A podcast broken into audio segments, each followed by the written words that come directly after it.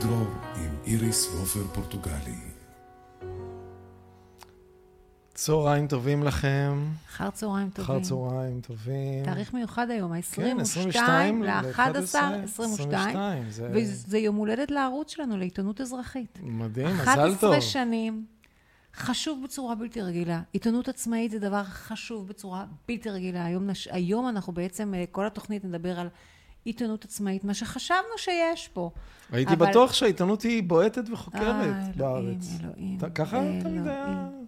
תראה, אנחנו בשבוע מאוד דרמטי, וככל שיעבור הזמן זה כנראה יהיה יותר ויותר דרמטי, כי יש כאן אה, אירוע של חמישה או שישה אה, בני נוער שנפטרו בפתאומיות במהלך של אה, שלושה ימים. במהלך שלושה ימים, ואפס אזכור בתקשורת. פעם אחת משרד הבריאות, אה, אה, כנראה שהרשתות החברתיות רוחשות וגועשות, אז הוא כתב שזה פייק שחמישה נערים נפטרו אחרי חיסון.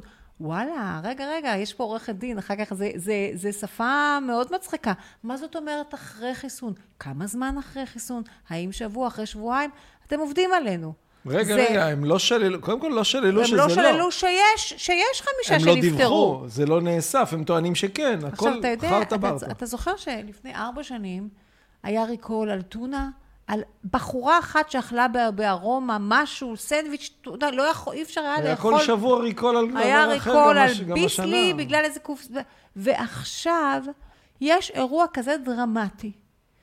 כל כך הרבה צעירים שאנחנו דולים את זה, הם לא, הם לא מכחישים את זה. יש אלפי, אלפי תופעות. לוואי.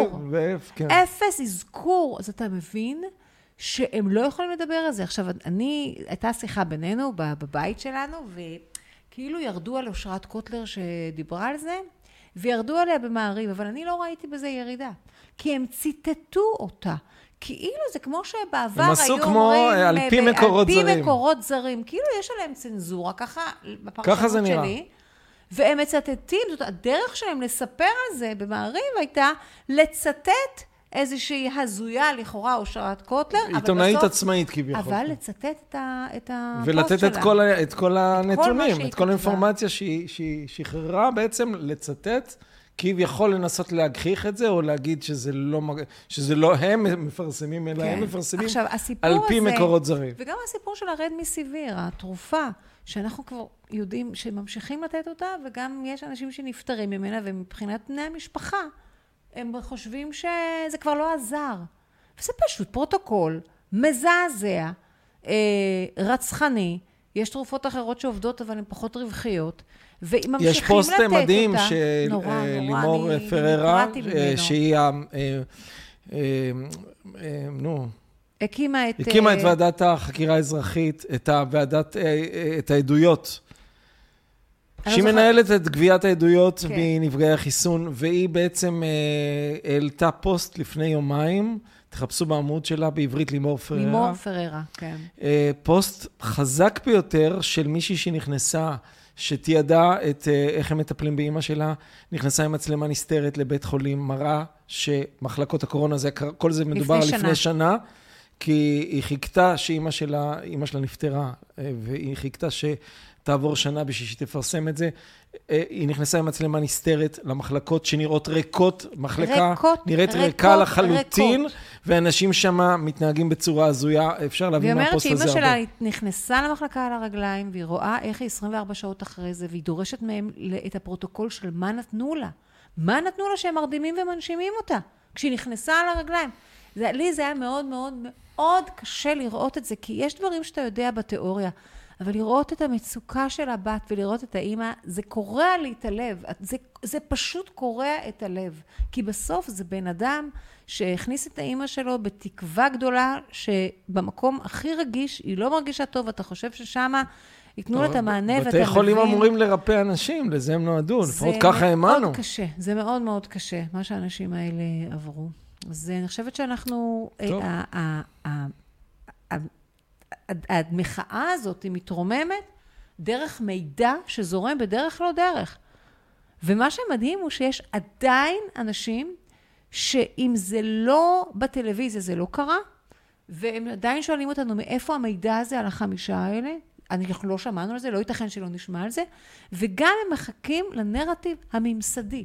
זאת אומרת... הם צריכים מישהו שנראה כמו חיים יבין, שיגיד להם, לא, רבותיי, כאילו, בפנים הם חמורות. רוצים מישהו, אני הייתי כך לפני שלוש שנים, לא פיקפקתי בנרטיב הממסדי, זה מדהים אותי, אבל לא פיקפקתי בו. והם רוצים, מה שאמרה, אמר משהו רשמי, הנחתי שזה נכון. ואתה מבין שזה אה, רחוק מאוד מלהיות נכון, והם עדיין, מבחינתם, אמת היא מה שתפמפם המ- הממשלה. טוב, אני חושב שהרבה יותר אנשים לאט לאט מתעוררים מהדיסוננס הזה, הם, הם רואים נכון. שיש ברשתות פרסומים של דברים, וחלק מזה הם יכולים לראות שזה באמת מגובה בעדויות, נכון. ואפס מילה על זה בתקשורת. הדבר הזה מדליק נורה אדומה להרבה מאוד נכון. אנשים, ולדעתי, גם המעגל הקרוב של הנערים שנפטרים, שהם רואים שלא מוזכר על זה כלום. אנשים, אה, אנחנו רואים את הצניחה של הרייטינג של הערוצים הממסדיים, זה לא בכדי. זה, זה מה שקורה. ובגלל זה פה- אנחנו צריכים עיתונות ותקשורת אלטרנטיבית. נמצאת איתנו פה מישהי יקרה מאוד. שעובדת להציג אותה בזה, כמו שצריך. נחשף, היא, נחש, אנחנו נחשפנו אליה כרוח הסערה לפני שלוש שנים. כן. פעילה חברתית, עורכת דין, תותחית ושיאנית בג"צים, תודה. אשר נכנסה לחיינו בשלוש שנים האחרונות ממקימי ועדת החקירה האזרחית, כותבת, פרשנית, יועצת משפטית והמו"לית של עיתון בראשית. ואנחנו הולכים, אה, ואני רוצה להגיד שלום לעורך דין עירית ינקוביץ'. שכחת את התפקיד הכי חשוב הכי שלי חשוב בחיים. שלך. מה? אימא, אימא. אימא, בטח. אנשים מדהימים. בטח בשבילם מדהימים. את עושה את הכל. אני עושה רק בשבילם. כל וואו. שאר העולם לא מעניין אותי כמעט. אה, זה הצהרה החיצונית כלפי חוץ, אבל אה, לא, אני עושה את זה כי, כי, כי אני לא יכולה לא לעשות את זה. אבל אני, אה, יש... אני פשוט אה, לא מסוגלת לא לעשות. הייתה לנו שיחה מרתקת, כי באמת כשאני פוגשת אותך, תמיד יש עומק, ויש כל כך, זאת אומרת, יש כל כך הרבה אה, אה, אה, נושאים שאפשר להיכנס איתך מה לעומק. אמרת לי בדרך לפה? מה אמרנו בדרך לפה? איזה כיף לנו. נכון. יש לנו פעם בשבוע, אנחנו נוסעים לפה, לעיתונות אזרחית, לאיליאן, ופוגשים אנשים מדהימים. ומשוחחים איתם. מה, מה יותר... גם הלפני אנחנו וגם... הרבה פעמים שוחחנו גם נכון, לא אצל נכון, איליה. נכון. אה, ו- לא, וגם... אבל זה, יש לנו כל שבוע, ביומן. המפגש הזה הוא תמיד, זה כאילו להתחיל, לא מההתחלה, זה להתחיל כבר ישר. כן, מ- כן. ואני, ודיברנו על זה שלכל דבר תמיד לי יש מניע. ו- ושאני תמיד מחפשת מה מניע אותי באותו רגע. ואני חושבת, ואני שאלתי את השאלה הזאת, מה מניע אותי ללכת נגד הזרם מההתחלה, לוותר על עבודה, לוותר על, להשיל את חיי הקודמים. להשיל את חיי הקודמים. ומה שמניע אותי זה שאני משאירה פה על כדור הארץ שלושה ילדים. נכון. ואני חייתי חיים מלאים גם אם יסתיימו מחר. ו... אבל מה אני משאירה אחריי? מה אני משאירה אחריי? זה מניע... זה מניע אותי. זה מניע מרכזי, חשוב מאין כמוהו. אה, זה לא רק מה, זה גם איך. כן. כי את, אתם דיברתם עכשיו על אנשים, וזה זה מרתק ונכון, על אנשים שחייבים לשמוע אסמכתה למציאות מאיזושהי דמות בטלוויזיה כן. שתתווך להם את המציאות. אה, הם לא יכולים לפתוח את החלון ולראות אם יורד גשם, הם צריכים להסתכל על זה, התחזית. זה תמיד הדהים אותי, דרך אגב. כן, נכון, כן, נכון. אבל, אבל זה לא רק ידע. אני, אני קודם כל חסידת הידע, אני חושבת שאדם שלא צובר כל הזמן ידע, קורא וקורא וקורא, ולומד ומתעניין, ועל כל מה שהוא נכון. יכול, משהו חסר, הוא לא יכול לקבל החלטות מושכלות אם אין לו ידע, אוקיי? נעזוב שנייה בצד את הידע, אני חושבת שהידע הוא שלב בדרך לתודעה. אה, התודעה זה היכולת לנתח את הידע ולהבין מהי המציאות בעצם. כי אם אתה, א', אין לך ידע, אין לך מה לנתח. אם אין לך יכולת לנתח, אתה לא מסוגל לנתח גם אם יש לך ידע. אז כשאתה צופה במהדורת חדשות ומבלבלים לך את המוח עם כל מיני שטויות, מישהו מנתח עבורך. מישהו מאכיל אותך כבר במסקנות. נכון. אה, נדמה לנו שנותנים לנו מידע, זה לא נכון. מה שנותנים לנו זה תעמולה. זאת אומרת, תעמולה ולהתעסק ב... להתעסק בדברים, ילד, הנה ציפור. כן, מביאים. לך, מביאים לך כבר את המסקנה, מביאים לך את התוצאה, זאת אומרת, אומרים לך מה עליך לנהוג. איך עליך, סליחה, איך עליך. לנהוג. לא אומרים לך, תשמע, אלה הנתונים, ועכשיו אתה כאדם משכיל ואנחנו מעריכים אותך, תסיק מסקנות, מה לא, זה צריך עבודה לעשות? אני. את יודעת שאני, אה, לא, השבע שנים, זה לא שאלה של עבודה קשה מדי, אין זה, רצון שתעשה זה. מכוון. ברור. זה מכוון, זו תעמולה. לא. לאנשים, לאדם הפשוט. לא, את- רוב אני- האנשים לא בנויים לכל מה שאת מתארת, לחקור ול- ולהפעיל את התודעה. כי לא חינכו אותם, לא נכון. גידלו אותם לזה מההתחלה. אתה יודע שבשבע וחצי שנים שניהלתי את רימון, זה הדבר שלמדתי. אני לא מוכנה שמישהו ייתן לי את המסקנות. וגם לא סקר, וגם לא... לא, לא, קלטתי שכשכבר מביאים לי את המסקנה, אני לא מוכנה לקבל. תנו לי ללכת לחומר הגלם, למספרים. חו- לחומר, אני אלמד בעצמי ואני אנתח, כי אני הבנתי איך אפשר לעשות עליהם מניפולציות ולהגיד לי, תקשיבי, הנתונים אומרים ש... הם לא אומרים כש... לא מוכנה שמישהו אחר יגיד לי מה הנתונים. אני רוצה לראות את חומר הגלם. נכון. ולהחליט. אחרת אני לא עצמאית. נכון. זה היה תהליך מרתק מרתק. וככל שאתה עושה את זה בתחום מסוים, אז אתה מסתכל ואתה אומר, ביום הראשון שמספרים לי שיש קורונה, מה הם עושים? מה הם, זה לא, זה, מה הם עושים? קודם כל, למה הם נותנים לי מספרים, ו, ו, והמספרים...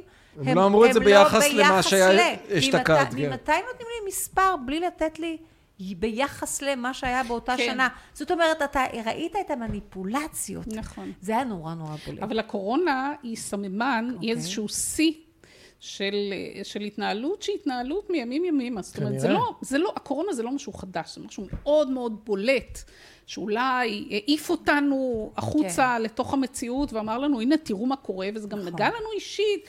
עשו לנו סגרים, הכניסו כן. אותנו למעצר בית. כן. ב... אנחנו אנשים חפים מפשע. וקוד עוד- לבוש בלתי נסבל. של- קוד לבוש, כן. תלבשו ככה, תלבשו אחרת. קוד כן. נשימה בלתי נסבל. קוד נשימה, קוד מלא, הוא כן, רעלה, המון הנחיות, הוראות, כאילו התגייסנו מחדש.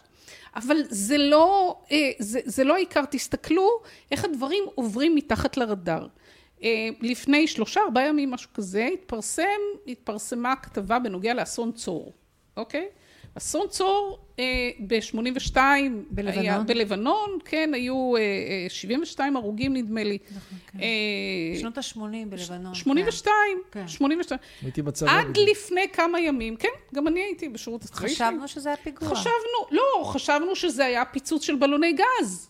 לא ידענו שזה היה פיגוע, הרשתות, לא הרשתות, הטלוויזיה, העיתונות, דיברו על זה כל הזמן שהיה אה, בעצם בלוני גז שהתפוצצו. אף אחד לא יודע מה קרה שם. ופתאום נחשף שזה פיגוע, והמשפחות ידעו שזה פיגוע, וחוקרים עכשיו שזה פיגוע. למה לא סיפרו לנו כל הזמן? החליטו שאנחנו לא בשלים. שאנחנו, לא, שזה לא האינטרס שלנו לדעת את האמת, הפטרונות הזאת. נורא, נורא. החליטו עבורנו מהי טובת האזרחים ומהי טובת המדינה. מישהו יושב באיזשהו מקום, אה, לא צריך להגיד כן. בדיוק באיזה משרדים, ואומר, רגע, המידע הזה, זאת המציאות שאני מקבל, עכשיו אני אסנן את זה עבור עם הדבילים הזה.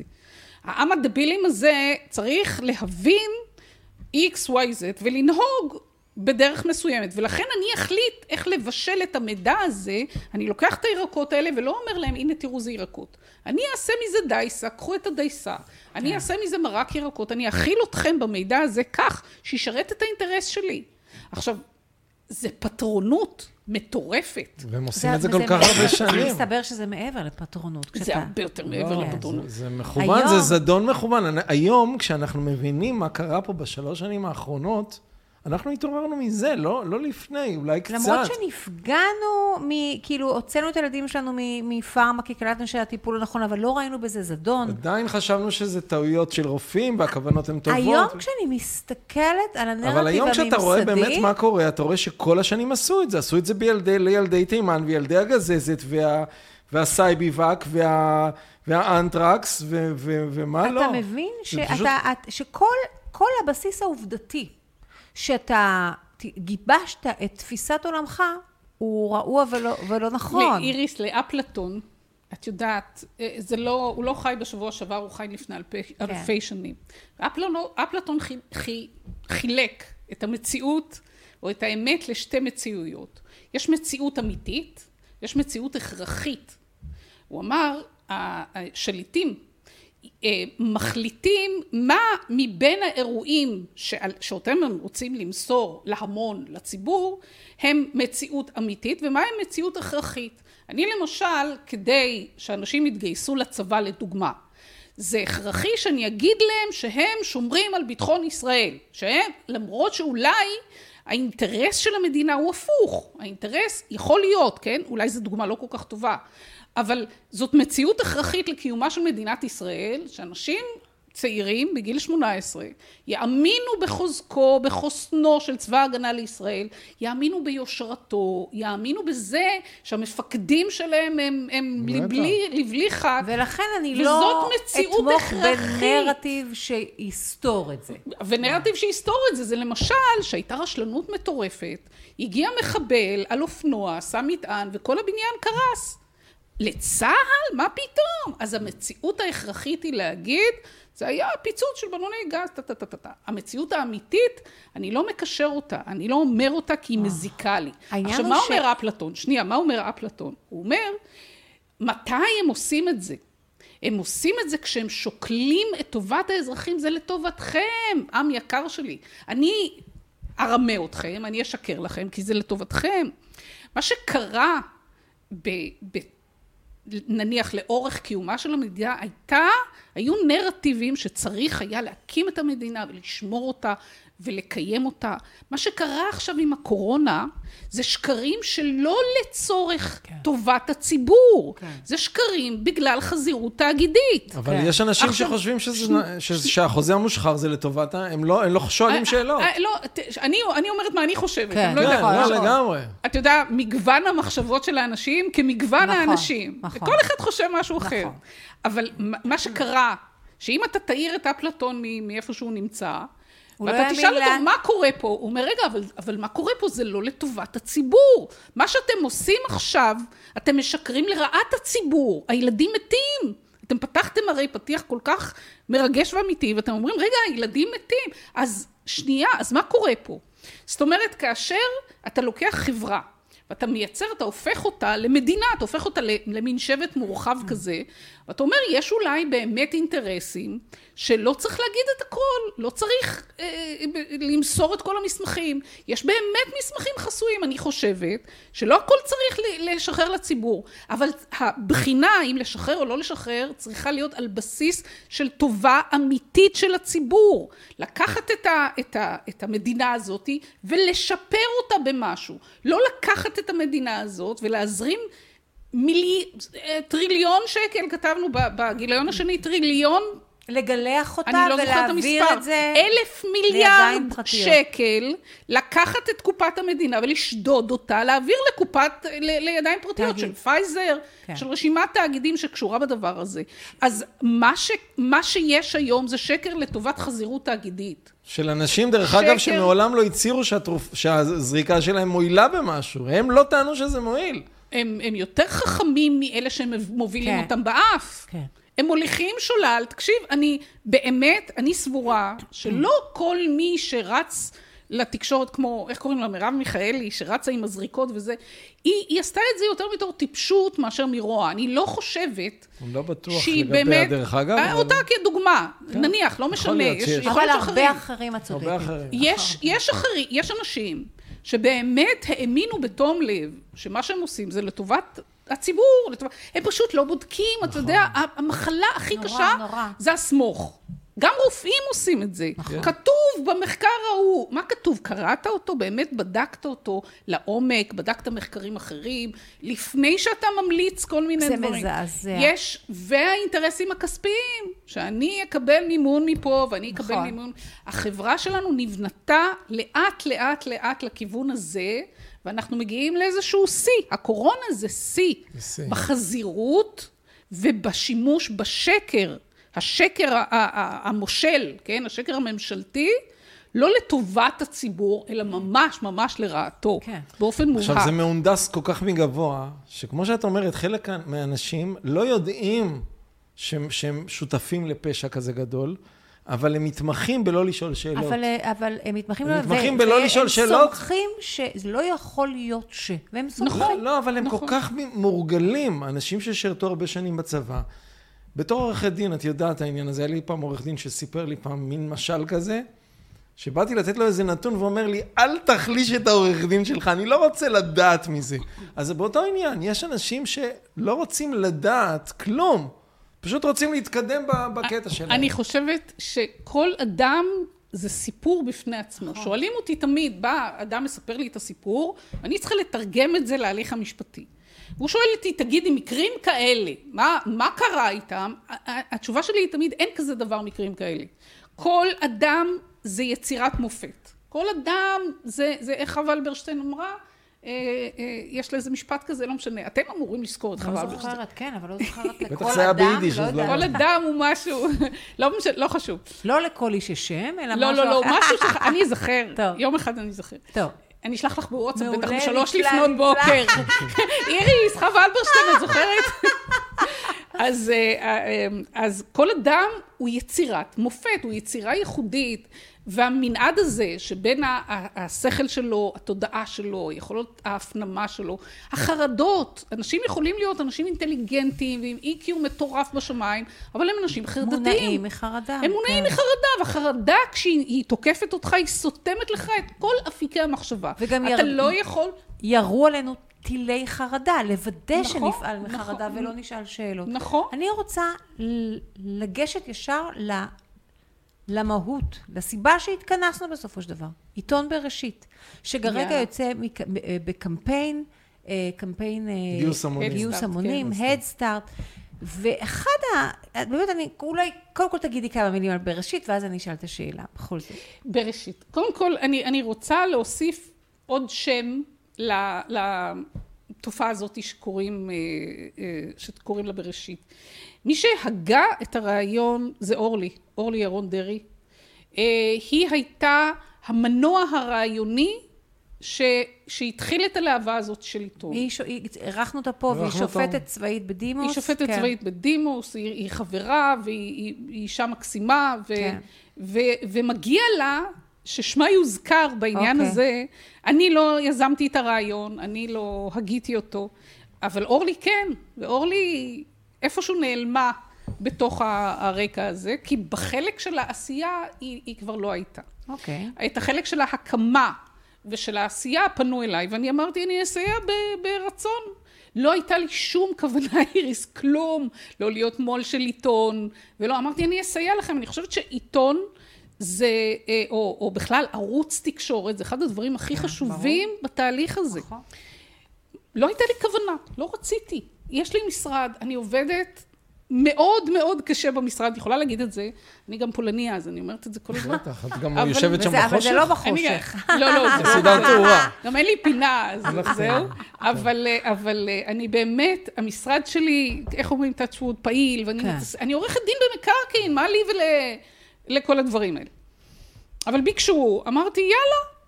והיאללה הזה הפך להיות באיזה שהן נסיבות שאין לנו שום כוונה לדבר עליהן. כן. אני הפכתי להיות המו"לית של העיתון, זה היה איפשהו במאי, בתחילת מאי. אה, העיתון הוקם במרץ, ב-15 במרץ, ואחרי חודש ומשהו, לא, חודש, פחות מחודש וחצי. שישה שבועות, משהו כזה, אני כן. משהו שישה שבועות. אה, אני המו"לית של העיתון במאה אחוז משרה. אה, ו- ואין לי מושג בכלום, בשום דבר. מה לי ולעיתונות? את לא באת מהתקשורת בכלל. אני לא באה מהתקשורת, אני לא אוהבת תקשורת. אני לא, התוכניות שאיליאן היקר מאוד, ולא אמרתי לו מזל טוב, בגלל שישר התנפלתם כן. אתם עם מזל הקורונה טוב, שלכם. איליאן, בוא נגיד לו. מזל טוב, איליאן. תודה רבה לכולכם.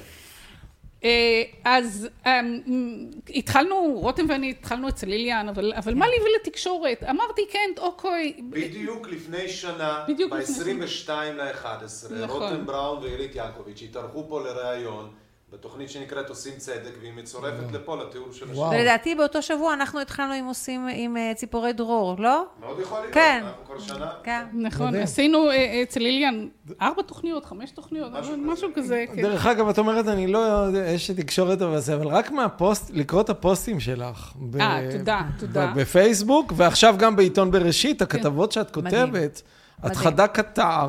תודה. ואת כותבת מעולה, עם, עם המון הומור. אני אוהבת לכתוב. אני, אני נהנית מהכתיבה. את עושה את זה אני, מעולה. אני חושבת ש... ש... תראה, אני, אני כותבת המון ב-occupation, במקצוע שלי כעורכת דין. אז אה, כתיבה אחרת, באחד- מקצועית. לא תמיד, תקשיבי, באחד, ב- לפני אולי 20 שנה, אמרתי, אני משלבת בכתבי בית המשפט שלי שירים של אלתרמן. והתחלתי להכניס בכתבי תביעה, וכל, וואו. שירה, ו, ושלונסקי, וכל מיני וואו. כאלה. ואיזה שופט אמר לי בהזדמנות, תקשיבי, מה זה, אני נהנה מהכתיבה. זה דרך להעיר שופטים רדומים, פתאום וואו, פתאום הם קוראים שירה, הם אומרים עכשיו, וואו. לכתיבה משפטית יש טכניקה. ונתתי בסוף, ככה בפנים, זה כמו שאלתרמן אמר בירח, תוגת צעצועיך הגדולים. וואו. וכתבתי כל מיני כאלה. אני, אני, אני אוהבת שירה מאוד. אלתרמן בכלל, אם אתם יודעים על ספר של אלתרמן שאין לי, וואו. זהו. יש לי מדף שלם, אה, כולל אה, אורגינלים של אלתרמן. אני, אני שבויה אחרי הקסם של האיש הזה. הוא כתב את חנה להתבלבלה דרך אגב, אה, בין השאר. תוג- תוגת צעצועיך הגדולים. יש משהו יותר מזה שמתאר את, ה, את העולם. תוגת צעצועיך הגדולים, אני יכולה לדבר על זה שעות, נעזוב. בכל מקרה, הגענו למצב שאני המו"ל של עיתון בראשית, ואז מו"ל, לא ידעתי בכלל במה הוא מתעסק, והנה פתאום צריך להתעסק. אה, אבל אה, יש אה, אנשים פשוט מדהימים ביחד איתי. אנשים, אני אוהבת אותם אהבת נפש. תקשיבו, גבי ניצן זה אדם עמוק וחכם, חכם, חכם, כל כך חכם. מאוד כיף לקרוא את הכתבות שלו. אגב, גילוי נאות, אני מנוי של העיתון, אני מקבל כן, אותו גם כל אני, שבוע. דרך אגב. וגם את. אנחנו אותו אותו בית. זה, אחלה עיתון, חבר'ה. כן. תבינו משהו. הופ, איפה המצלמה? זאת? כן. זה אחלה עיתון, יש בו אפילו תשבצים שאני לא יודע לפתור אותם, תשבצי היגיון, אף פעם לא הבנתי עוד איך עושים את זה. זאת? עיתון בראשית, כן. אז זה אחלה עיתון. עכשיו, תן לי עוד שתי מילים. כן. בטח. על האנשים. אה, ו- ודניאל שרון, שהוא המנכ"ל שלנו, אה, אה, קסם, כן. קסם. זאת אומרת, הבחור יודע הכל, הוא וואו. פשוט יודע הכל. הוא, דרך אגב, עומד מאחורי Start הזה, יחד עם יסמין רונאל, שבמשך שלושה ארבעה ימים לא החליפו בגדים, לא אכלו, לא שום דבר, ורק וואו. העלו את ה... עשו את כל הפעולות האלה. וואו. אה, ועוד אנשים, אה, מיכל ועירית ו- וורד, עורכת המשנה של, של גבי, וזוהי לסרי, זוהי לסרי, שמסורה לנו, עושה כל כך, כל כך, כל כך הרבה דברים. אז יש המון המון אנשים אה, שהם פשוט אנשים טובים, והם מבינים את החשיבות של התקשורת הזאת, של, של אמצעי התקשורת הזה. ובין הכותבים, גם, תקשיבו, זה קסם לקרוא מה שאלון מזרחי אלון כותב כל יום. מזרחי, בטח. כל כן. שבוע, כל כן. גיליון. ומני אביב. כתיבה מדהימה. וראיתם את אה, הבן של סעדי אה, חוטף את העיתון וקורא את הטור של, אה, של, נו, ברח לי. לא ראינו את זה. לא חשוב? לא חשוב, אוקיי. הוא שלח ל... וואו. אה, אה, כן, של... אה, וואי, ברח לי, אני כנראה בלחץ. של נורה תבור, נו, וואו. איך שכחתי את נורה תבור. כן. את הטור של נורה תבור. אז, אז גם ילדים, כן. אנחנו יודעים שנהנים מהפן הזה. והעיתון, חשוב לא כל כך, לא, לא רק להעביר מסרים או להעביר מידע. הוא חשוב קודם כל להחזיר איזשהו מימד של אנושיות, של התייחסות לאדם, אדם קודם כל כאיזשהו אה, אה, מרכז, אדם אחד. האדם הקטן הוא כל הסיפור. זה המוטו שלנו. האיש הבודד, הזכויות שלו, אה, אה, גם התודעה שלו, גם היופי, אנחנו רוצים להביא לו גם איזשהו יופי, יופי אנושי ויופי בשיר ויופי של מחשבה, אה, ואנחנו רוצים לא לשקר לו. אנחנו רוצים להגיד לו, נקודה מאוד תשמע, חשובה. תשמע, ה- ה- ה- הממשלה הזאת עושה דברים נוראים. האנשים האלה עושים דברים נוראים. אתם דיברתם על recall, ומה שקפץ לי, זה שצריך לעשות recall לכל מוסדות השלטון במדינה. צריך. בוא נתחיל מ-120, מה שנקרא נבחרים, שאף אני לא לא יודע מי בוחר בהם בכלל. רגע, אני רוצה... אני רוצה עדיין לדבר רגע על העיתון. בוא בראשית. נדבר על שנייה, העיתון. אני רוצה לשאול את בראשית. אני מניחה שהדבר שמאוד מייקר את ההוצאות זה ה print. עצם נכון, זה שהוא מודפס. נכון. אז מה החשיבות? למה זה חייב להיות print?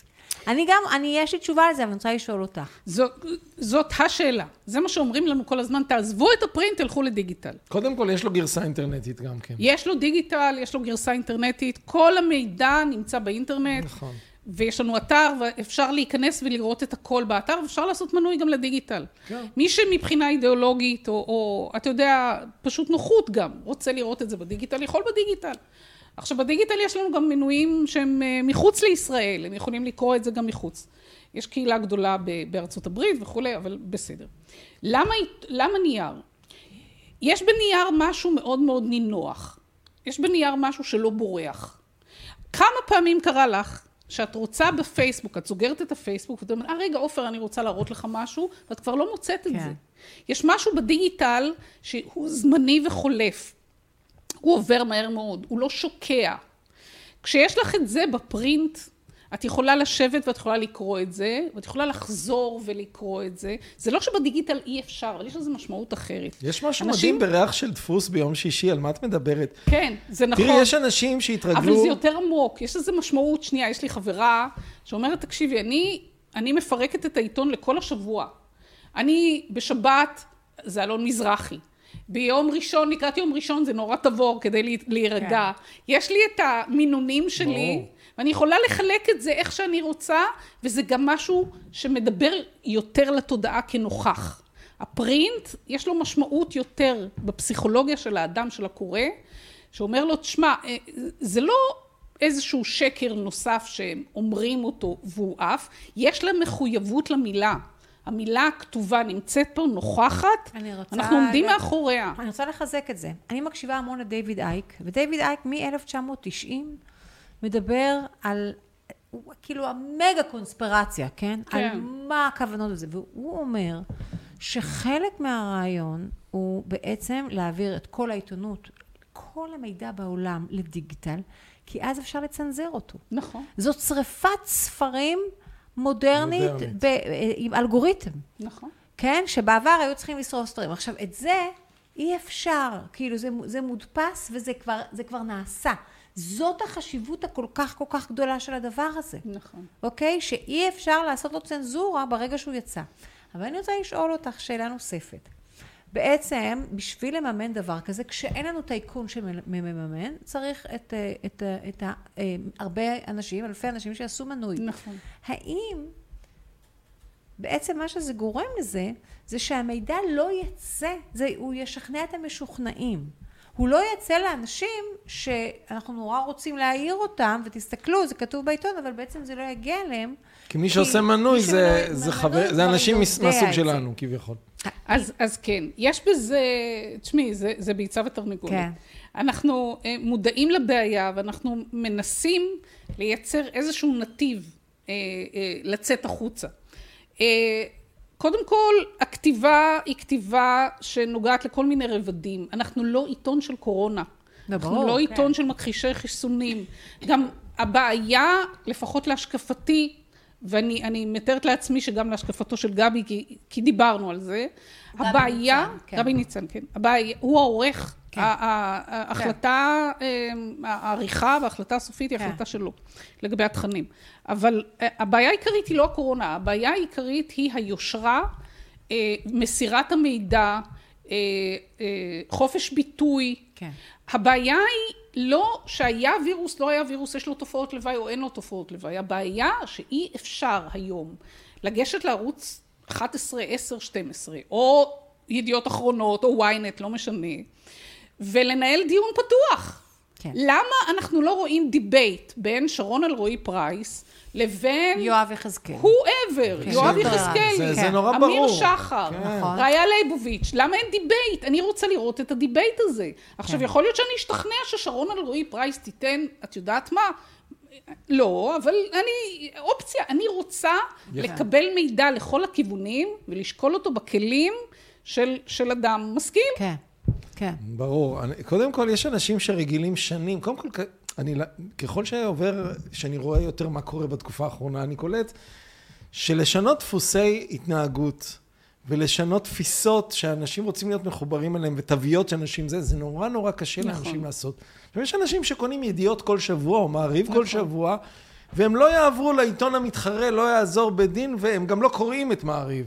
נכון. זה הם, הם קוראים אולי תת כותרות, אבל זה כן, אנחנו ערימת זהו- זהויות. זהויות, הם כל, הולכים ולוקחים את זה ביום שישי, אם לא כל יום, אז ביום שישי וזה. זה הרגל. נכון. הרגל, היה לי מנוי לעיתון של אנשים חושבים, כשאני הבנתי שהם לא באמת אנשים חושבים, ולא באמת כותבים על הדברים האמיתיים, חושבים בשבילי. והם לא מספקים, והם, והם מעבירים לי אה, אה, משהו מאוד מאוד מצונזר, אני הבנתי שאני לא רוצה קשר איתם. בראשית נותן לך עיתונות שיש לך את הכיף לקרוא כתבות עומק, ואתה יודע שפה עושים תחקירים, ואתה יודע שפה לא מנסים לעבוד עליך. לא, זה פשוט לא תעמולה. זה לא תעמולה. מה לעשות? אנחנו, ההבנה המטלטלת, שאני עדיין לא נרגעתי ממנה, זה שאנחנו מתהלכים בעולם שכל דבר יש לו אינטרס נגדי, ואנחנו, והכל מה שניבט אליי הוא הוא תעמולה. תעמולה. זה פרסומת, מאלף עד תו, פרסומת לך, מתוחכמת. אני אגיד לך, אה, אין בעולם הגלובלי רשות להגבלים עסקיים. אם הייתה, נניח, תיאורטית, כן, זה מין איזה דמיון שלי, גם בישראל כבר זה אין רשות... לכאורה יש, אבל לא, זה לא, לא. זהו, כן. גם בישראל יש רשות להגבלים עסקיים, אבל היא לא עוסקת כן, בהגבלים ברור. עסקיים. יש בחוק כלים אני רוצה להגיד, הגבלים עסקיים זה, כעצם, אה. זה בעצם מניע, להסביר שזה הרשות ל, ליצירת תחרות, נכון? נכון? ל- לעידוד התחרות, לשמירת התחרות. כללים של תחרות, כן. כדי ב- לייצר איזון. בכללים ובאתיקה מקצועית, זאת אומרת, ש- בחוק. שיהיה חוקי, כן. לכאורה, כי זה בסוף, כל, אתה מבין ש... בדיוק, כשאני שואלת את עצמי על ההתחלה, איפה הרשות להגבלים עסקיים? אתה מבין אין. שאין. כן. אין. אז גם, גם בעולם שלנו היום, בעולם המודרני, יש תאגידים שפשוט השתלטו כן. על כל המדיות. אין איזושהי רשות להגבלים עסקיים שהיא בינלאומית, ואומרת, רגע, רגע, רגע, מייקרוסופט, את הגעת אתם- לאיזשהו גבול שהוא כבר אה, אה, לא הגיוני, רגע, פייסבוק. מה זה הדבר הזה? ברגע שהעולם הפך להיות מין משהו, מין כפר גלובלי אחד, בגלל כן. הטכנולוגיה, אה, אז מי ששולט בטכנולוגיה הזו, הוא זה ששולט גם בתכנים של הטכנולוגיה. הרי מה אמרה מנכ"לית, אם אני לא טועה, זה או יוטיוב או גוגל? We own the science. We are, yeah, כן. they own the science. הם, הם גם הם אפילו חושבים... לא, הם, הם, חי, הם מתהלכים כאדוני העולם. הם, נכון. הם גם גאים בזה. זה המדהים הם- שהם גם לא מסתירים את לא הכוונות נזהרים. הזדוניות אבל שלהם. הם אכן אדוני העולם, כן. איריס. הם אכן, את יודעת למה? כי רובו של העולם לא מבין שהם אדוני העולם, ומשתף עם זה פעולה. כן. הרי איך יכול להיות, אה, דיברנו על זה, מה... מה, דיברנו על, ה, על, ה, על השאלות, אה, אה, למה המחאה לא מצליחה? כן? למה המחאה לא מצליחה? למה המחאה לא מתרוממת? את למה... חושבת, דרך אגב, שהיא לא מצליחה? אה, אין היום תו ירוק, זה לא בגלל שאי אפשר, אין סגרים, זה לא בגלל זה שאי הרבה אפשר. יותר מורכב. לא, זה הרבה יותר מורכב. אני חושבת שהמחאה אה, לא הצליחה אוקיי. כמו שהיה לה פוטנציאל להצליח. אוקיי. אני אגיד, והפוטנציאל להצליח בעיניי לא נגזר מהאנשים שעשו אותה, את המחאה, אלא הפוטנציאל להצליח נגזר ממה שעשו לכלל. זאת אומרת, ההליכה של האיסורים, החרמות והפעולות הממשלתיות הייתה כל כך כל כך רחוק, ולמרות זה לא קורה כלום. זאת אומרת, לא קורה כלום במובן של סוג של הפיכה שלטונית כאן.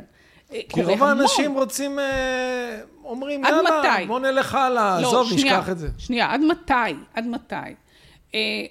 זה נכון שהייתה שטיפת מוח, זה נכון ממש הייתה שטיפת, זה נכון שהתקשורת עדיין לא החלימה משטיפת המוח. היא, היא להפך, לא, היא היא היא מתחפרת, מלבה, ברור, היא בדיוק. היא מתחפרת בה עוד יותר. יש לה היא גם... לא יכולה, זה כמו פושע שהוא הוא, הוא התחיל לא כפושע.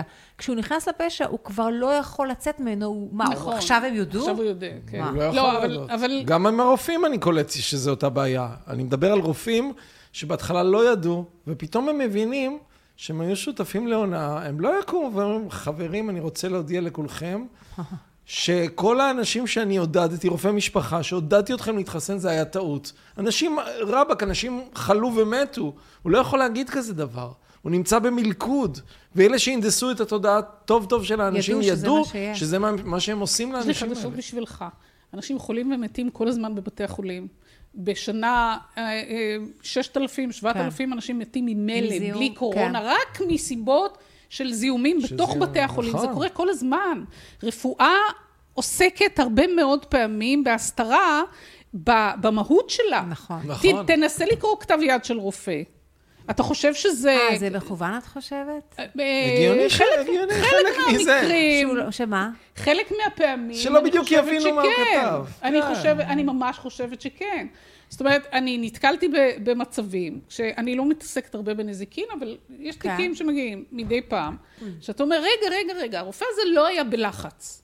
הוא לא היה באיזושהי מצוקה, הוא לא היה עייף יותר מדי. למה הוא כתב למה אי ככה? אפשר לקרוא מה שהוא כותב? וזה הרי מין, מין בדיחה ידועה, וואו, שאתה לא קורא כן. כתב יד, למה? וואו. למה? אה, למה, למה לא מקלידים עדיין, רושמים הערות בכתב יד? למה לא מקלידים? הרי ההקלדה היא, אז, אז יש מקרים שכן, אבל יש גם הרבה מאוד מקרים שלא. אבל זה לא אומר ש... ש...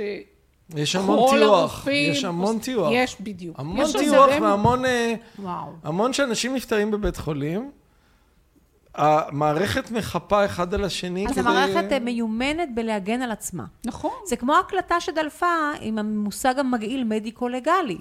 הרי כבר דלפה אה, הקלטה. מדיקו חרטטלי ש- זה... ש- מ- מדיון פנימי של משרד הבריאות, שהם כבר מודים בינם לבין עצמם שהתופעות הלוואי הרבה יותר גדולות, אבל איך נתווך את זה לציבור?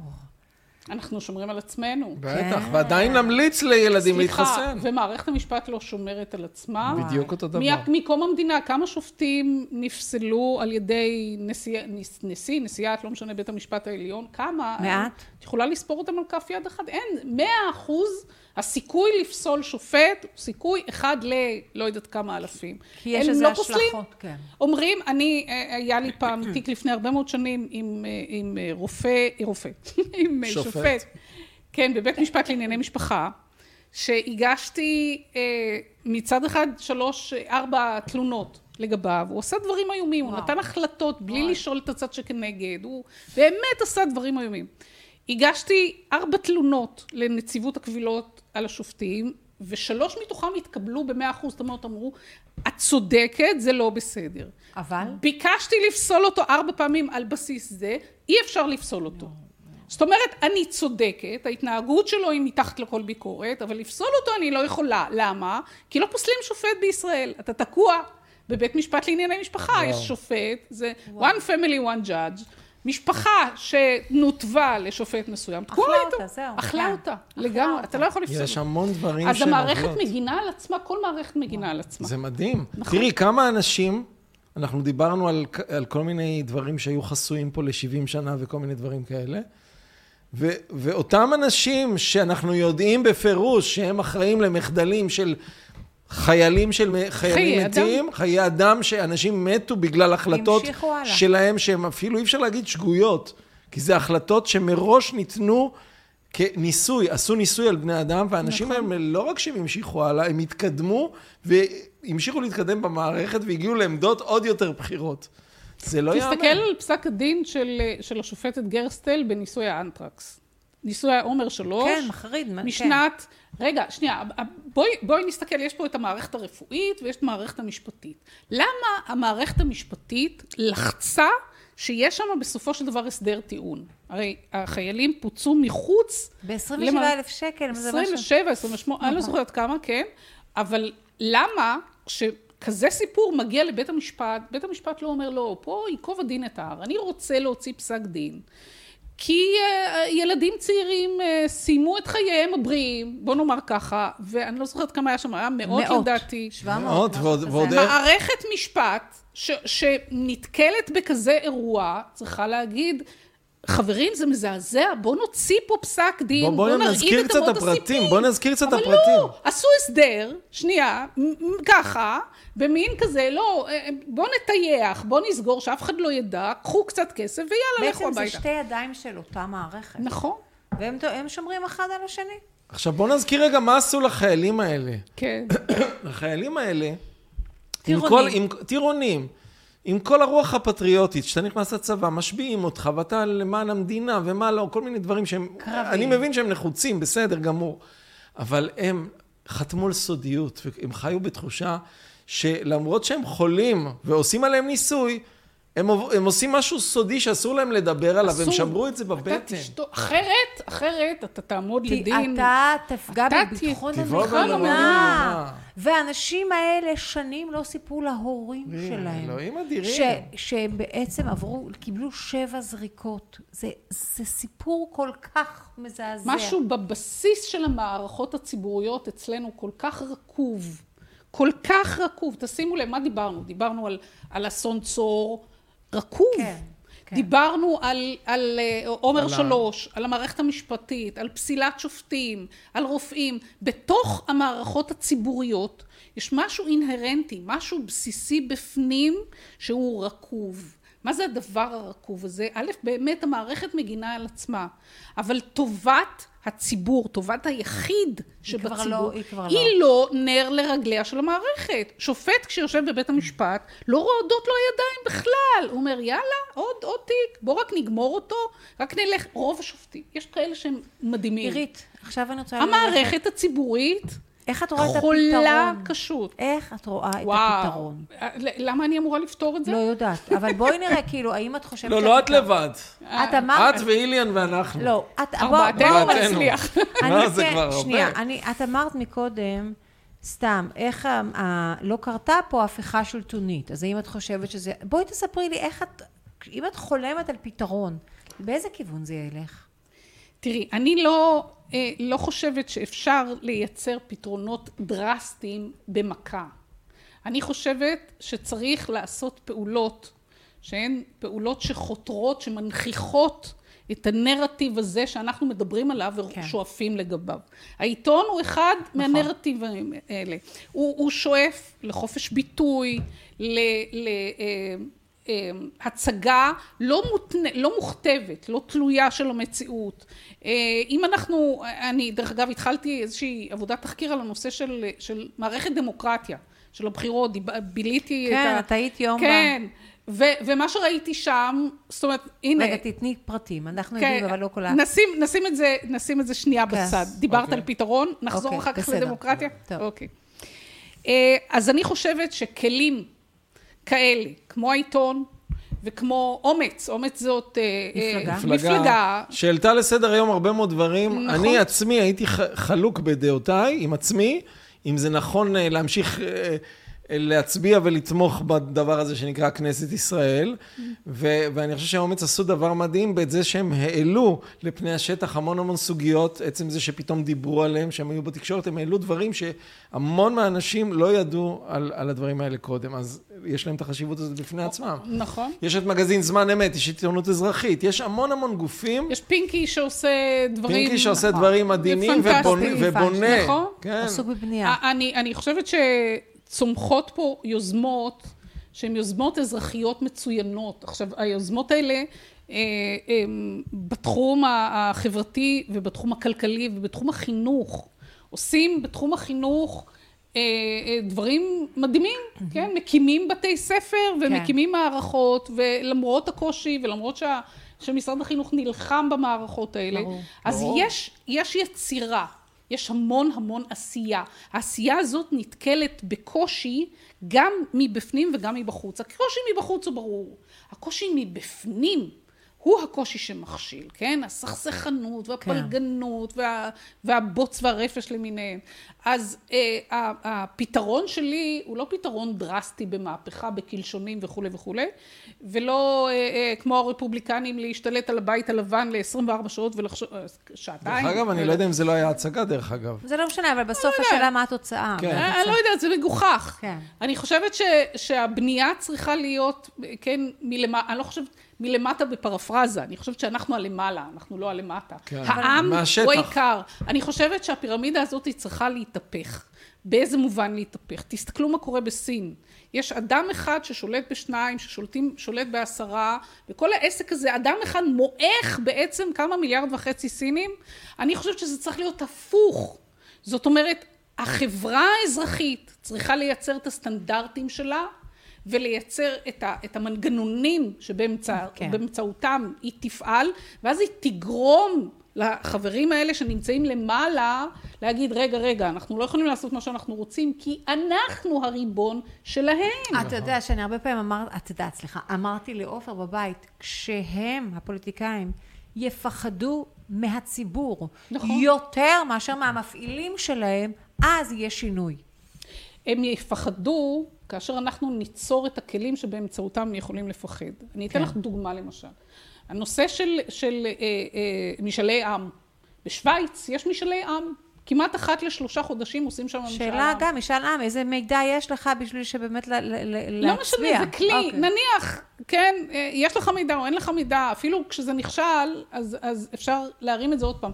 אם אה, מחתימים בשוויץ 100 אלף אזרחים על עצומה, אז הממשלה חייבת לצאת למשאל עם בנושא של העצומה. אין לנו אפילו את זה.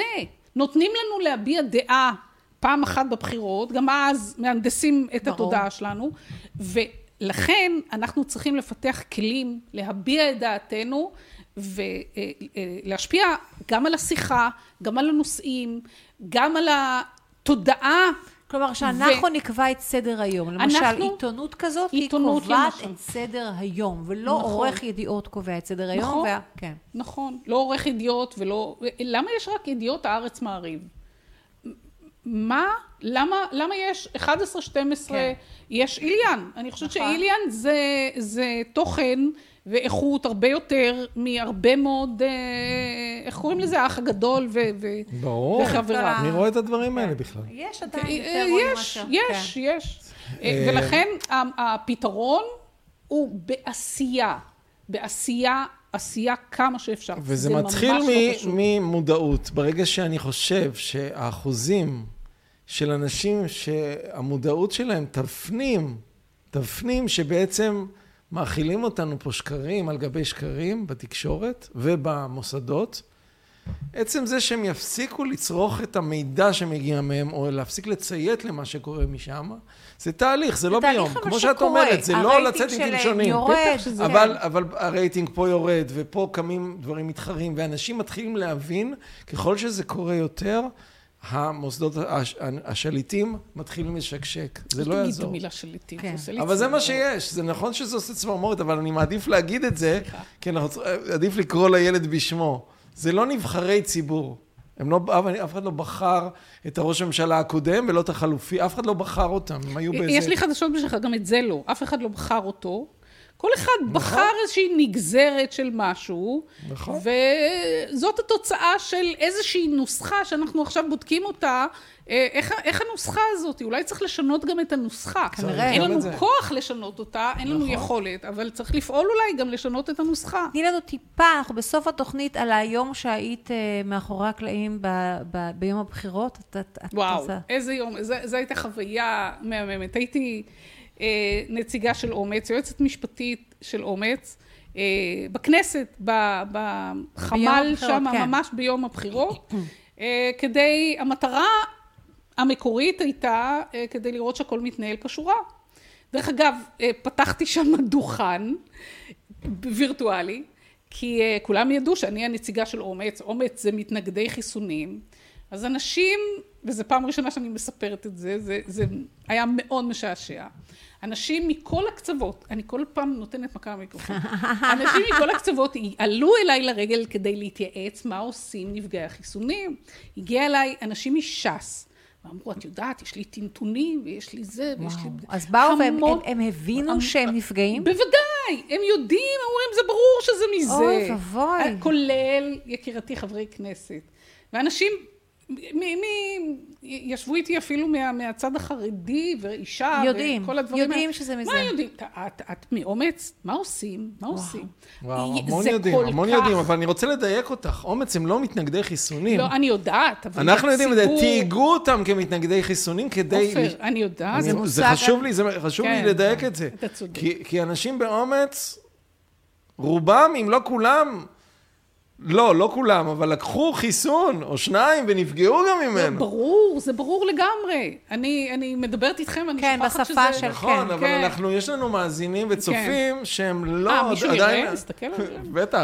שהם עדיין לא בקטע שלנו לגמרי, או שהם ב- רואים את זה ב... בכלל, המושג מתנגדי, מתנגדי חיסונים הוא מושג, כמו שאמר עורך- הדין טול- אה, טורגל, הוא מושג אנטישמי. כן. נכון. ואני אפשר גם לא- להתנגד אני- למשהו שהוא בחירה אישית שלך, ב- ב- הוא משהו שאמור להיות בחירה אני לא במאה אחוז. משתפת אבל זה איתו פעולה. מכוון, זה ברור. מכוון, זה, זה זה copywriting. הלעגה, זה כמו לקרוא לנו יהודונים. כן. לגמרי. אז, ידעו שאני נציגה של מפלגת היהודונים. כן. ו- ועמדו אצלי בתור. כדי לשאול מה עושים. אה, וזה היה הכל בשושו, כן? שאף אחד לא ידע. ש- שאתה מתייעץ עם היהודונים. שמתייעץ כן. מתייעץ עם היהודונת, כן. וואו. אה, אז זאת הייתה חוויה מסוג כן. אחד. חוויה שנייה הייתה אה, קשורה למערכת עצמה. אנחנו לפני יום הבחירות התחלנו לשאול כל מיני שאלות. אה, ופנינו לוועדת הבחירות המרכזית ושאלנו, תגידו, מי, מי מארגן את המסיבה הזאת? זאת אומרת, יש המון נתונים שזורמים. כן. לאן הם זורמים? מי סופר אותם? מי מאבד אותם? התשובה הייתה ועדת הבחירות המרכזית. שאלנו, האם חברה מסוימת היא זו שאחראית? אמרו לו, מה פתאום? חברה, אין לה שום קשר, היא לא... נכנסתי, ואני מתיישבת באיזשהו חדר, והחדר מלא במחשבים עם מדבקה של חברת מל"ם. מל"ם, מל"ם, מל"ם, מל"ם, מל"ם. בכנסת עצמה, אה, פרוסים, היו פרוסים מאות מחשבים, אם לא יותר. כל המחשבים מחוברים למערכת אחת שנקראת מערכת דמוקרטיה. מערכת דמוקרטיה זה חברה, זה מערכת שפותחה על ידי חברה בשם מל"ם, מל"ם-T, אה, והיא מערכת סגורה. מה זאת אומרת סגורה? את יודעת שלמחשבים יש מקום שאת יכולה לשים דיסק און קי, אז זה הדיסק און קי סגור באיזשהו, לא יודעת. אה, וזו מעין תוכנה, מערכת פנימית, שחברה, פיתחה חברת מל"ם, אה, והיא מאבדת את הנתונים. אז? בעצם אין לי דרך לדעת. אם- רגע, שנייה, שנייה, שנייה. כן. הפואנטה עכשיו מגיעה. אז שאלנו, רגע, מי, מי מפקח על זה? אז אף אחד לא יודע, לא קיבלנו תשובה. זאת אומרת, יכול להיות שיש מישהו שמפקח, אנחנו מנסים לברר. פנינו לשרת הפנים, אה, איילת שקד, שהייתה עדיין שרת הפנים, היא עדיין שרת הפנים, נכון? היא עוד לא הוחלפה. עד ש... כן. ואמרנו, רגע, מי, מי, מי בדק את זה? אז היא אומרת, לא יודעת, זה לא אני. זה הם. פנינו לוועדת הבחירות המרכזית, אמרנו, מי, מי מפקח על זה? זאת אומרת, יכול להיות שזו תוכנה של פיפ"א, ש... או אה, תוכנה שלנו, לא יודעת מה. בצורה- כן. שמישהו מכניס שם איזה. מספרים שבא לו, כן. שמישהו מכניס איזושהי נכון. פונקציה, תעזוב. איזה תוכנה שלו. פונקציה. הוא רק אומר, כל המפלגות באלף תחלק בשתיים, וכל המפלגות בלמד תכפיל בשלוש. נכון. איך אני יודעת? אה, אין- ותעלימו את האומץ, כי הם מתנגדים. כן, מישהו החליט מראש שיש 15 אלף, אז תחליטו 15 אלף. עכשיו, זה מתכתב גם, אני לא אומרת שזה מה שקורה, אני באמת, אבל באמת אין לא לנו יודעת. דרך לדעת אם לא. שנייה, אה, עכשיו, בדיוק. אני לא יודעת מה באמת קורה שם, אני רק יודעת שהיו תלונות, בגלל שאני היועצת המשפטית של אומץ, אה, אז היו תלונות של אנשים שהגיעו לקלפי מסוימת, הצביעו לאומץ, ואחר כך כשראו מי, אה, איזה מפלגות נספרו בקלפי הזאת, לא היה אף קול אחד. כן. והיו לא אחד, לא שתיים ולא חמישה כאלה. וואו. אז, אה, אז משהו פה קרה עם הקול הזה. אם הוא נפסל או לא נפסל, אז גם בפסולים לא היה. למפל... אז לאן הקול הזה נעלם? אז מה- מישהו פה הונה. יש פה אני לא איזה- היא יודעת. לא יודעת, אבל תקשיב, אנחנו אני לא לא יודע- יודעת. כן. אבל יש פה שאלה מעניינת. היא עוד לברר. יותר מעניינת, כי היא, אה, פניתי לחברה, יש חברה חיצונית, שאמורה לפקח על, אה, על המל"ם הזה? על יום, לא, על יום הבחירות. שאלתי אותם, תגידו, אתם מכירים את מערכת דמוקרטיה? אמרו, לא. אני אומרת, מה לא? אתם אמורים לפקח, וזאת המערכת שמנהל... אמרו, איך אנחנו הם לא יודעים בעצם בזה כלום." מפקחים? הם כזה עוברים ומסתכלים, הכל בסדר. אני לא פה. יושבים בנימוס ולא... זה- הבעיה היא ברגע שזה עובר? לדיגיטל ויש אלגוריתם שבאמת מחשב כל קול בצורה שונה, אין לך דרך לדעת את זה. אולי לא, בואי אולי ניתן לא. להם את הקרדיט, יכול להיות שהכל, תראי, כשאנחנו יכול להיות. מנסים, כשאנחנו מנסים להיות הוגנים ו- ולהגיד חופש הביטוי והכול, אנחנו לא יודעים עדיין, יכול להיות נכון. שזה פיקס, יכול להיות שחברת מל"ם ראויה לתואר אבירי האנושות, אבל גם יכול להיות שלא. תבדקו. מי משלם להם? מישהו משלם להם. בוודאי. אז הם כבר לא ועדת בסדר. הבחירות אז הם- המרכזית שילמה להם כנראה 30 מיליון שקל. זה מה שאנחנו יודעים. יש לנו תיעוד של, ה, של הדבר הזה. טוב. אבל אנחנו ממשיכים לבדוק. אז אה, יכול להיות שאנחנו נגיע למסקנה שאין שם כלום, שהכל פשוט כן. תקין בצורה פנטסטית. מדהים. מה שאנחנו עכשיו יודעים, שכרגע אף אחד לא יודע מי בדק את זה. וואו. מי בדק את זה? מי שבדק את זה צריך להיות מישהו מהמערכת הציבורית, כי זאת חברה פרטית שנותנת שירות למדינה, אז צריך להיות פיקוח ציבורי, וואו. נטול אינטרסים. אה, אני לא יודעת, זאת הרפתקה שאנחנו אה, שלחנו אה, אה, עתירה לפי חוק חופש המידע לוועדת הבחירות המרכזית, שלחנו דרישה. אה, המועד כמעט הסתיים, הם עדיין לא ענו לנו, הם רק ענו כן, כן, כן, כן, אנחנו בודקים את זה, אל תדאגו, הכל... אל תדאגו, אנחנו נבקש הארכה של עוד חודש. אל כן. אנחנו תדאגי. נבקש הערכה. בטח. אה, ואחרי זה נגיד שהמידע נגזר, נגרס. אני- לא, אנחנו- נגיד שהוא סודי. סודי. אנחנו או- בסוף או- התוכנית. או עבד, הארכיון, זה עבד בארכיון. עירית, אנחנו ממש בסוף התוכנית. איזה... זה עובר והיה מהר תענוג. כשנ- כן, קריאה לפעולה. בן אדם שמקשיב לנו, כן. מעניין אותו, מה הוא עושה? קודם הוא- כל עושה מנוי לבאר מנוי שבע. לב- אז בבקשה, בדיוק. קודם כל מנוי מנוי לבראשית. לעיתון, אנחנו צריכים... לא עוד הרבה בשביל להחזיק אותו. זאת אומרת, אני זה- רוצה רק להגיד יש משהו. היתכנות כלכלית להחזיק את הדבר הזה. תקשיבו, תקשיבו, אני רוצה להגיד איזה משהו. יופי, איזה ריח טוב. זה ממש כואב לי להגיד תעשו מנוי לבראשית. אני לא, אני לא, מישהו קרא לנו בפייסבוק שאנחנו משנוררים. אנחנו לא נכון. רוצים להתעשר מהדבר הזה. נכון, להחזיק אותו. אנחנו כרגע ב- בערך אלף, לדעתי 700 מנויים, משהו כזה. 1,700 מנויים לא מספיק, 3,000 מנויים צריך בשביל להחזיק את זה. עכשיו, זה לא בשמיים. זה לא זה לא בשמיים. בשמיים, כדי להחזיק. מה יקרה כשיהיה לנו 3,100 מנויים? אנחנו לא ניקח את המאה מנויים האלה נשים בכיס, אלא אנחנו נחשוב איך אנחנו משכללים עוד יותר. כן. מוסיפים, פה יש 32 דפים, מוסיפים עוד עשרה דפים. המטרה היא לא להיות עשיר. אי אפשר להיות עשיר מתקשורת. אי אפשר. אין, זה לא עובד. המטרה היא אמיתית לעודד ולקדם חופש ביטוי, לתת במה לאלון מזרחי, שייתן להם בראש. נכון. לתת במה למני אביב, שיספר, ייתן לנו את הזוויות שלו. יש לו המון מה להראות לנו. כן. ול, ו, ולנורה תבור, לספר לנו את הדברים המאוד מאוד אנושיים שלה.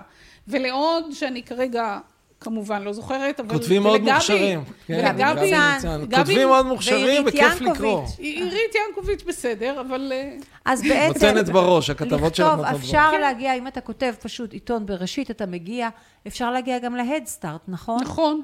בהדסטארט יש יופי של תשורות. יש יופי של תשורות ויש, וסכומים, לא כולם בשמיים, חלק דברים מאוד קטנים שאתה בעצם מרגיש, אתה, כל הנושא של אני חושבת הדסטארט, שאתה נקראת ה-70 אחוז בזה, כן, נכון? לקראת ה-70 אחוז. כל, כל הנושא של הדסטארט זה, זה משהו גאוני של, שהוא קיים בסך הכל כמה שנים, אני זוכר שזה התחיל, אז אמרתי, איך לא לא חשבו. על זה קודם? זה לא שנור, אתה משקיע, עושה קוז מדהים, אתה עושה משהו חיובי, ואתה מקבל עליו תמורה, אתה מקבל עליו תמורה בעצם זה שעשית אותו. אז אתה גם עושה מעשה טוב, ואתה גם מקבל תמורה, אני- לא אני- יצאת פראייר במושגים ואתה ישראלים. תומך אני רוצה בתקשורת לספר עצמאית. לכם על איזושהי תשורה שעומדת להיכנס בימים הקרובים שלי, אישית. אני פותחת קורס במקרקעין. לימוד, וואי, וואו, איזה אלופת לימוד. העולם. אני בעצם בבסיס עם כל הדברים האלה, אני מתעסקת במקרקעין 30 שנה. ואני רוצה ללמד אנשים, ללמד איך עושים עסקאות, איך מרוויחים כסף ממקרקעין, זה לא בשמיים, זה ממש ממש לא בשמיים, אפשר. אה, ללמד את מושגי היסוד. ואני אפתח קורס די מצומצם ל-20 איש, וואו. איזה יופי. בנושא הזה עם חמש הרצאות, משהו כזה. להוריד ממש- לקרקע את נושא המקרקעין. זה פשוט מדהים. דניאל לא אמר לי? שאני לא אגיד מקרקעין, אני אגיד נדל"ן. נדל"ן. שמקרקעין נשמע כמו עורב. אז אבל, לא. אבל נדל"ן, אז נדל"ן. כן. וואו, טוב, כרגיל. אתם מוזמנים ללמוד. יאללה. נדל"ן. מרתקת. נדל"ן, ויש אתר שנקרא מדלן, שהוא בכלל אני מדהים. לא, לא, זה לא... לא. אני מבקש. אז תודה רבה. אנחנו ביחד עם. אנשים אמיצים ונשים אמיצות כמוך. תודה. נצעד לאופק חדש. רגע, אבל לפני זה אני רוצה, השיר של חווה אלברשטיין, כן? הנה, איליאן, ה- אני חושב, זה אולי, זה נקרא לא. נגני במיתרי האור, וזה הולך ככה, באחד המשפטים שם. כי מה בן אדם כבר משאיר? לא טעם מהמון, לא בצע וממון, רק השמח, רק השמח בחלקו עשיר. או-אה. איזה. יופי. חווה אלברשטיין. איזה סיומת. נפלא, רק השמח בחלקו. עשיר. וואו. וזהו, השיר השמח אופק בחלקו. חדש מנחה אותנו. להתראות לכם. לא. שבוע הבא בעצם לא נהיה פה. לא. לא נהיה, שבוע יום הולדת, יום. הולדת. יום הולדת חגיגה נחמדת. האישית שלך. האישית שלי, יום יום שבת. הולדת גם עברית לאיליאן. וגם לא לא עשיתי. כיף. וואו, מזל. טוב, איליאן. תודה רבה לכולכם. עד אה, אופק חדש. כן. כן, בטח. אופק